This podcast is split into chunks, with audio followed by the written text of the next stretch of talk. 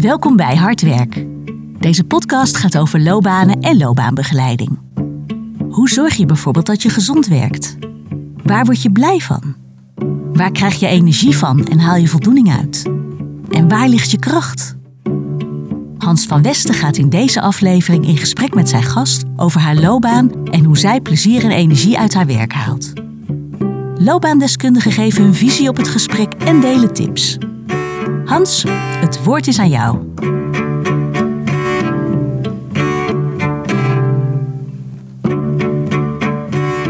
Deborah, goedemorgen. Goedemorgen. Welkom in deze podcast Hardwerk. Dankjewel. Vertel eens, waar werk je? Ik werk bij de Omgevingsdienst Flevoland Gooi Vechtstreek Mhm. eh, als HRM-adviseur. Deborah, je moet de luisteraars even helpen. Wat is een omgevingsdienst? Die vraag die krijgen wij eh, wel vaker. Eh, wij zijn een uitvoeringsorganisatie die de eh, omgevingstaken op het gebied van vergunningverlening, toezicht en handhaving uitvoert voor ehm, al ons, alle deelnemende partijen. En de deelnemende partijen zijn dan de gemeenten ehm, die in onze regio vallen. Dus Flevoland, Gooi en Vechtstreek. Flevoland is echt de provincie Flevoland. Klopt. En Gooi is echt het Gooi. Ja, de gemeente met Vechtstreek is Gooi. echt Vechtstreek, ja, zoals wij hem kennen. klopt. En als ik daar nou woon, hè, heb ik dan iets met jullie te maken als burger? Ehm, als burger heb je minder met ons te maken. Ehm, de eerste ingang is echt via de gemeente. En wij als omgevingsdienst zijn eigenlijk ehm, ja, de back-office. Zo zou je dat eh, kunnen zien. Voor die gemeentes. Ja, voor die gemeentes, klopt. En dat maakt ook dat zo'n omgevingsdienst wat, een wat minder bekende organisatie is natuurlijk. Ja, En dus precies. die gemeentes kennen ze wel, maar gewoon als inwoner heb je daar gewoon minder mee van doen. Ja, ja de gemeenten kennen ons inderdaad. En de provincies, eh, ja, daar zijn wij gewoon eh, heel bekend. En als je nou hebt over de omgevingsdienst als specialisme, eh, mensen die hier werken, wat, wat, wat zijn dat voor mensen? Wat kunnen die goed? Ja, dat zijn ehm, mensen die ehm, hun expertise ligt eh, op het gebied van natuur, geluid, luchtkwaliteit, eh, bodemsanering, eh, luchtvaart, asbest, vuurwerk, zwemwater, WABO en bijvoorbeeld het omgevingsrecht. Als je die- zo'n lijstje opnoemt, dan zou je kunnen zeggen als burger heb je daar juist heel veel mee te maken, want het bepaalt alles wat je in je omgeving aantreft. Ja, absoluut. Ja, maar nooit ehm, direct als burger. Nee, dus niet, niet direct burgerorganisatie, maar meer als een omgevingsdienst zijn werk goed doet, dan merk je dat aan Ja, de leefomgeving waar je, waar je in leeft. ja precies. Nou, goed onthouden allemaal. Ja. Dank je. En jullie zitten in Lelystad? Klopt, ons kantoor is in Lelystad, maar wij werken voornamelijk vanuit huis eh, sinds de coronapandemie. Ja, precies. Dat is, dat is echt wel veranderd, hè? Klopt. Wat doet dat in een organisatie als iedereen vanuit huis moet gaan werken? Eh, dat was een, eh, een hele omslag eh, voor eigenlijk alle medewerkers. Ehm, maar ja, we hebben dat, ja, al onze collega's hebben dat eigenlijk hartstikke goed opgepakt. Wij we zijn ontzettend productief thuis en dat, ja, dat is eigenlijk hartstikke goed gegaan. Is, kan je bijna zeggen productiever thuis dan dat iedereen op kantoor is? Ja, eigenlijk wel. Ja. Vinden mensen dat zelf ook? Eh, ja, volgens mij vinden mensen dat, eh, dat zelf ook. We hebben ook een, eh, een medewerkersonderzoek eh, gehouden. Ehm, ja, waaruit dat ook echt gebleken is dat, eh, dat veel medewerkers daar heel blij van worden van het thuiswerken. Ja, goed hoor. Goed. hey, luister. Wij zitten hier om even stil te staan bij jouw loopbaan. Ja, En in ons voorgesprekje vertelde je... ja, Griekenland, Kreta speelt daar een grote rol in. Op allerlei manieren. Vertel eens, neem ons ons mee in de grote stappen. Eh, toen ik eh 14 jaar was, eh, besloot mijn vader een restaurant te kopen op Kreta. En ik wilde heel graag met hem mee om ja, hem daar te helpen. Maar dat betekende nogal wat voor mij. Ik zat in de derde klas van de HAVO. En dat ja, betekende onder andere dat ik moest stoppen met mijn school. Dat was ja, een heftige keuze. Mag dat eigenlijk? Mag je stoppen met school? Ja, nou ja en nee. Ehm, uiteraard ben je, ben je leerplichtig tot je achttiende, maar ik ben, eh, ik ben geëmigreerd. Dus volgens, eh, ja, ik, ik had niets meer te maken met de Nederlandse leerplicht. Maar met de Griekse leerplicht. Ja, ja. En er was voor mij geen Nederlandse middelbare school op Kreta. Daarvoor eh, moest ik naar een internationale school. Dat was, eh, die was er toen de tijd eh, alleen in Athene. Wellicht die, dat, die, dat dat nu veranderd is. Eh, ja, dat bracht gewoon heel veel kosten met zich mee. Ja. Ja, dus toen in samenspraak met mijn vader hebben we toen besloten om de stap te wagen. Ehm, en ben ik daar naar een Engelse school gegaan. Maar dat, dat viel wat tegen, want daar werd echt alleen Engelse les gevolg, eh, gegeven. Ja, en ja, dan zit je eigenlijk eh, eh, uiteindelijk dus eh, zonder diploma.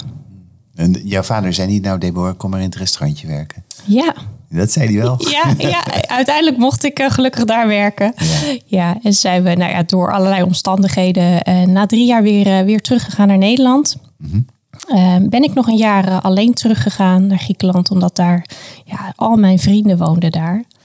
Ehm, en toen ging ik eh, terug naar Nederland en ja, was ik, eh, was ik gewoon aan het werk. En toen was je een jaar of 18, denk ik. Ja, klopt.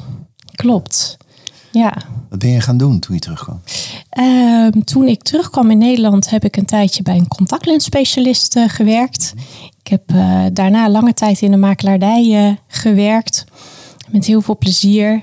Ehm, zo ook Lelystad leren kennen. Want daar nou, ben ik voor de liefde naartoe verhuisd. Dus dat, eh, dat was een hele omschakeling. Eh, en uiteindelijk eh, ben ik bij de OVGV terechtgekomen. Maar het betekent dat je wel zeg maar, werk hebt gevonden, ondanks dat je geen diploma's of iets dergelijks hebt. Klopt, ja. Ja. ja. altijd aan het werk geweest. maar altijd ook wel een gevoel van schaamte gehad. Ehm, ja, dan moet je zo'n cv opmaken. En wat zet je daar dan op? Wordt je cv heel kort. Ja, nou ja, maar in, in ieder geval qua opleidingen. Ja. Ja, diploma's, eh, nee. Thuis. Keek, keek je daar dan eens wel eens naar? Als je, als je advertenties zag of adver, eh, reclames op televisie van opleidingsinstituten. Kwam Ja. er wel eens iets langs waarvan je dacht, oh, dat lijkt me gaaf? Ja, absoluut. Ja, ik was eh, natuurlijk nog vrij jong. Ehm, ik had een, eh, een jong gezin. Ja, dan heb je gewoon andere prioriteiten. Dan is dat zo ontzettend kostbaar, zo'n opleiding. Dat ik dacht, ja, maar mijn gezin gaat gewoon voor. Dat, eh, ja, dat kwam echt op een tweede of een derde plek. En dat is er nooit van gekomen.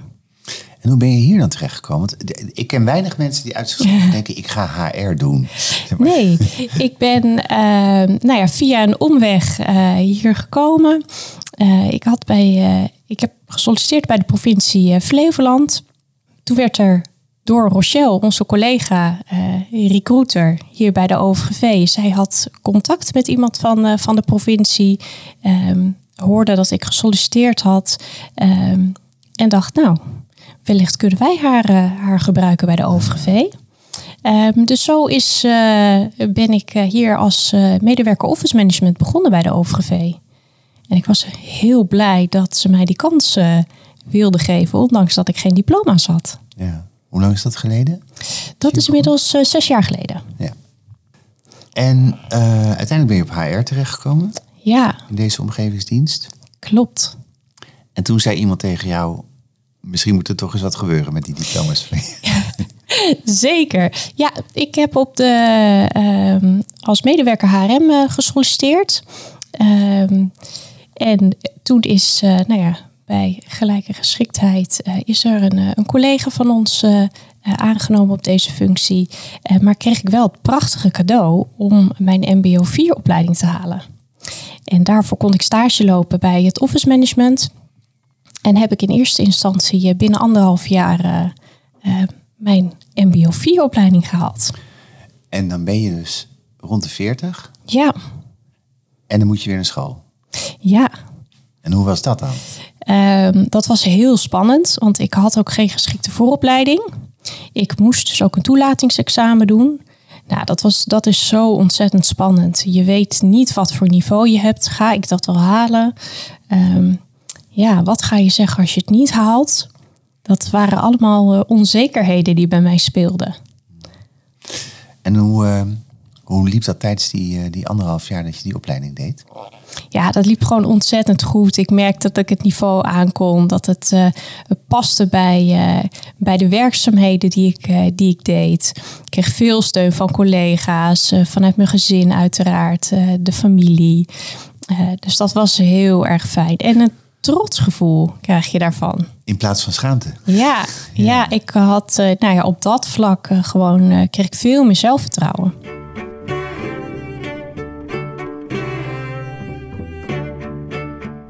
Wat voor mensen kom je dan tegen als je op die leeftijd nog naar zo'n echt formele scholing toe gaat? Ja, ja van alles nog wat. Van, van begin twintigers tot uh, ja, mensen van, uh, van in de vijftig die ehm, voor hun werk of nou ja, gewoon voor hunzelf um, dan een opleiding willen gaan doen.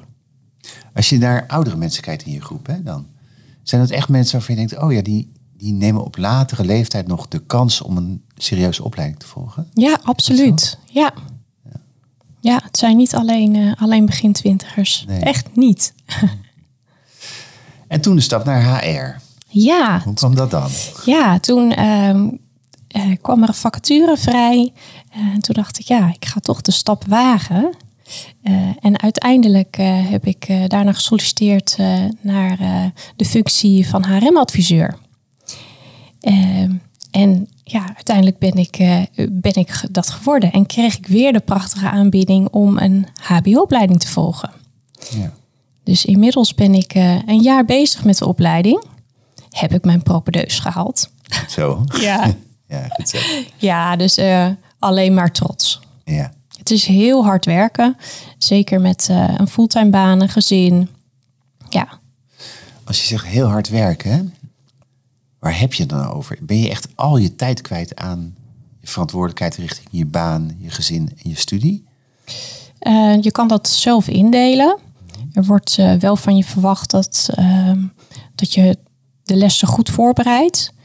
Um, nou, in het begin was ik uh, daar heel strikt in om alles echt, echt te lezen wat er, wat er was. Ja, nu ben ik een jaar verder en weet ik wat er, wat er van me verwacht wordt, hoe ik me voorbereid en kost dat mij veel minder tijd. Hou je nog tijd over voor jezelf? Weinig. Mm maar dat, is dat erg? Nee, ik weet, ja, wat is nou vier jaar van je leven? Mm ja, het is vier jaar. Maar als ik kijk wat het me ook oplevert na die vier jaar. Nou ja, als ik zie bijvoorbeeld wat de MBO-opleiding mij gegeven heeft, uh, zoveel zelfvertrouwen en trots. Ja, dat, dat geeft zoveel meer dan die vier jaar die je uh, ja, wellicht kwijt bent tussen haakjes. Die investeert, zeg ja, maar. Ja. ja, absoluut. Wat verwacht je dat die vier jaar jou gaat opleveren? Of waar uh, hoop je op? Misschien beter? Ehm, nou, dat ik ben nu al, uh, ik vind dat ik nu al heel ver gekomen ben en er zo'n fijn gevoel bij heb dat ik dit papiertje nu ook weer in huis heb. Dus dit, uh, ja, dit heeft me enorm laten groeien en ik denk dat dat uh, alleen nog maar meer met zich mee gaat brengen. Wat heb je, je bent je bent nu nou, goed eind op weg, hè? ruim een jaar denk ik. Ja, absoluut. Um, verandert het dan iets in de manier waarop je je werk doet? Ja, je hebt, nou, je, je, weet de theorie achter achter heel veel uh, zaken. Mm -hmm. En dat, ja, dat is voor mij in mijn werk wel heel erg belangrijk. Merken mensen om je heen dat ook? Dat je slimmer begint te worden? Ah, dat weet ik eigenlijk niet. Ik, zei, ik zat, zou ze vragen. Ja. En je zegt, ik doe het, het zit een paar keer in je verhaal. Ik doe het ook heel erg voor mezelf. Ja. Om te groeien, om zekerder te worden, om vertrouwen te hebben. Het zou inderdaad wel interessant zijn, want ik, ja, het kan bijna niet anders dan dat mensen om je heen dat ook merken.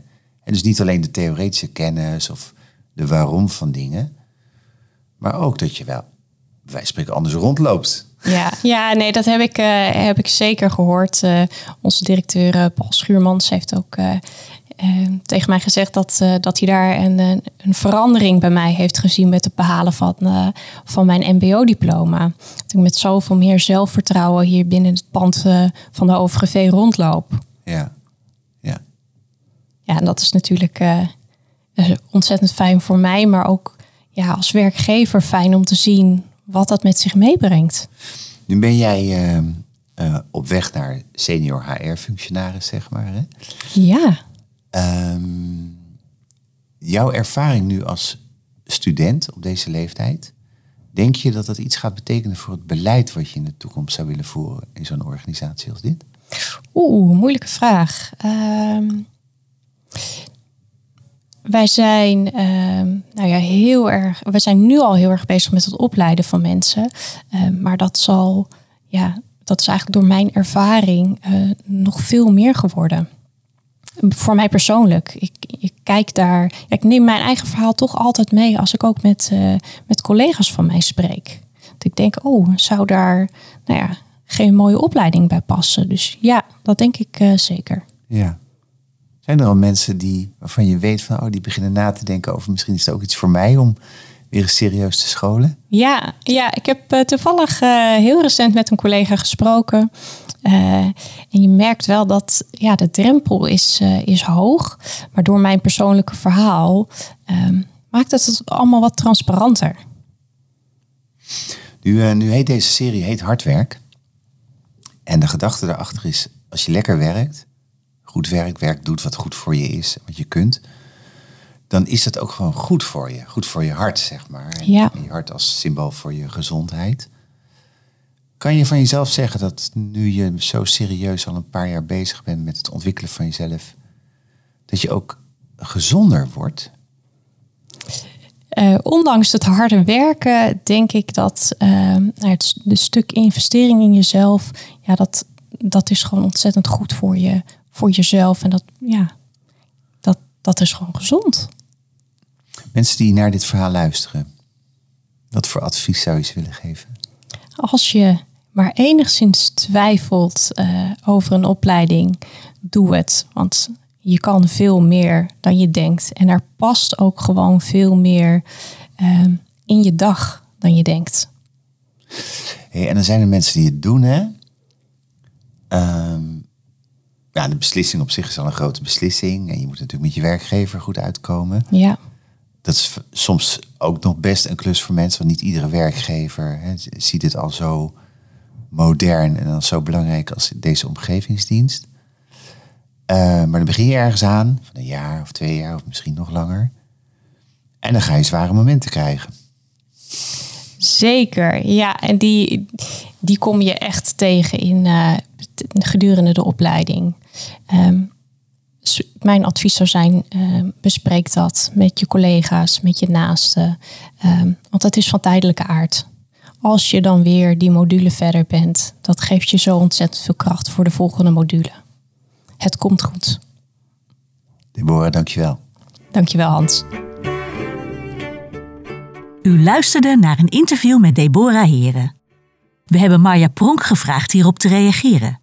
Marja heeft haar eigen coachpraktijk en is als docent en supervisor verbonden aan Vistanova. Hey Marja, goedemorgen. Jij hebt zojuist het interview van Deborah geluisterd. En eh, ik vroeg me af of jij nog tips hebt voor onze luisteraars naar aanleiding van dit interview. Ja, zeker. Eh, uit het eh, verhaal van Deborah zou ik een paar punten extra willen belichten.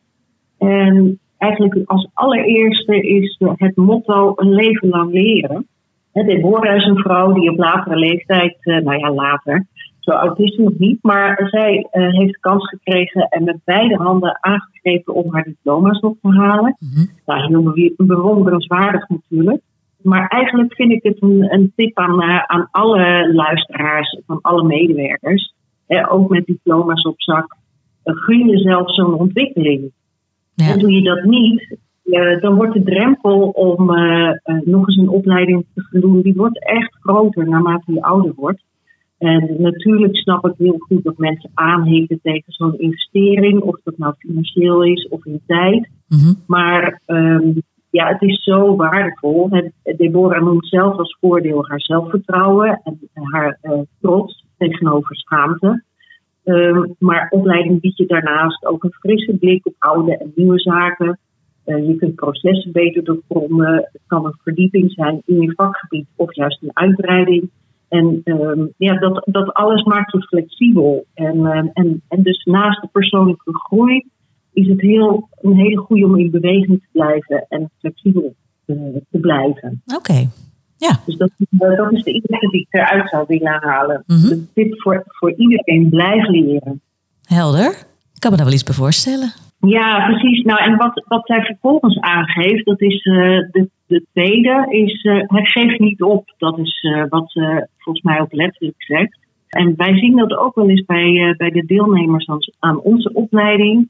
En er komt altijd wel een moment in de opleiding dat het, dat het gaat schuren, dat het gaat knellen, dat het een student aanvliegt. En eh, hè, omdat het tegen zit of omdat het thuis knelt. En dan merk ik wel bij, eh, bij deelnemers dat de eerste neiging is om de handdoek in de ring te gooien met betrekking tot de opleiding. Maar eh, hè, als ik daar dan op doorvraag, dan, dan merk ik dat ze ten diepste heel blij worden van de opleiding en daar heel veel eh, energie van krijgen. En dat ze eigenlijk op het punt staan om iets weg te gooien wat, wat zo waardevol en zo belangrijk voor ze is. Dus eh, en wat dat betreft is dan mijn tip. ehm, er zijn vaak zoveel meer mogelijkheden. En eh, niet altijd eh, even makkelijk voor iedereen. Maar je kunt ook een hulpvraag stellen. Of de boel iets anders organiseren. Hè? Waarom zou je opgeven waar je zoveel energie van krijgt? Dat Ja. is de tweede. Oké. Heb je nog Ja. meer tips? Nou Toevallig. Ja, nou, de laatste, er is zoveel te halen uit dit interview. Maar de laatste wat ik zou willen belichten is, eh, is meer een tip voor, eh, voor werkgevers. En dat sluit aan bij dat eh, motto blijf een leven lang leren. Aan werkgevers zou ik willen zeggen, blijf een leven lang investeren in je medewerkers. En zeker in het kader van duurzame inzetbaarheid. Eh, wat ik veel zie in organisaties is dat met name eh, gestimuleerd en gemotiveerd wordt om een opleiding te, te starten of op, op te nemen in de periode eh, tussen de 30 en de 40, 45 jaar bij medewerkers. Maar juist ook daarna blijven investeren, blijven steunen. Medewerkers kunnen zo lang mee nog. En als je nagaat dat zo'n opleiding medewerkers eh, in beweging houdt, dat het ze flexibiliteit geeft, dat het, het trots en zelfvertrouwen.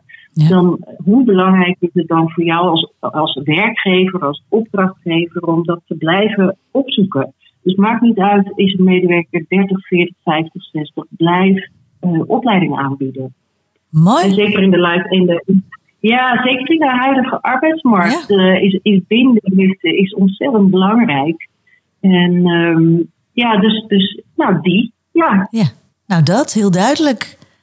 Volgens mij hele waardevolle tips. En eh, nou ja, ik zou aan de luisteraars willen zeggen, doe er je voordeel mee. Nou, dat, eh, dat zou ik ook willen zeggen. Oké, dankjewel Marja. Heel graag gedaan.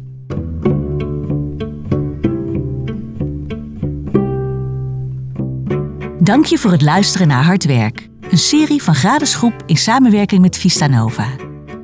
Heb je naar aanleiding van deze aflevering vragen? Neem gerust contact met ons op.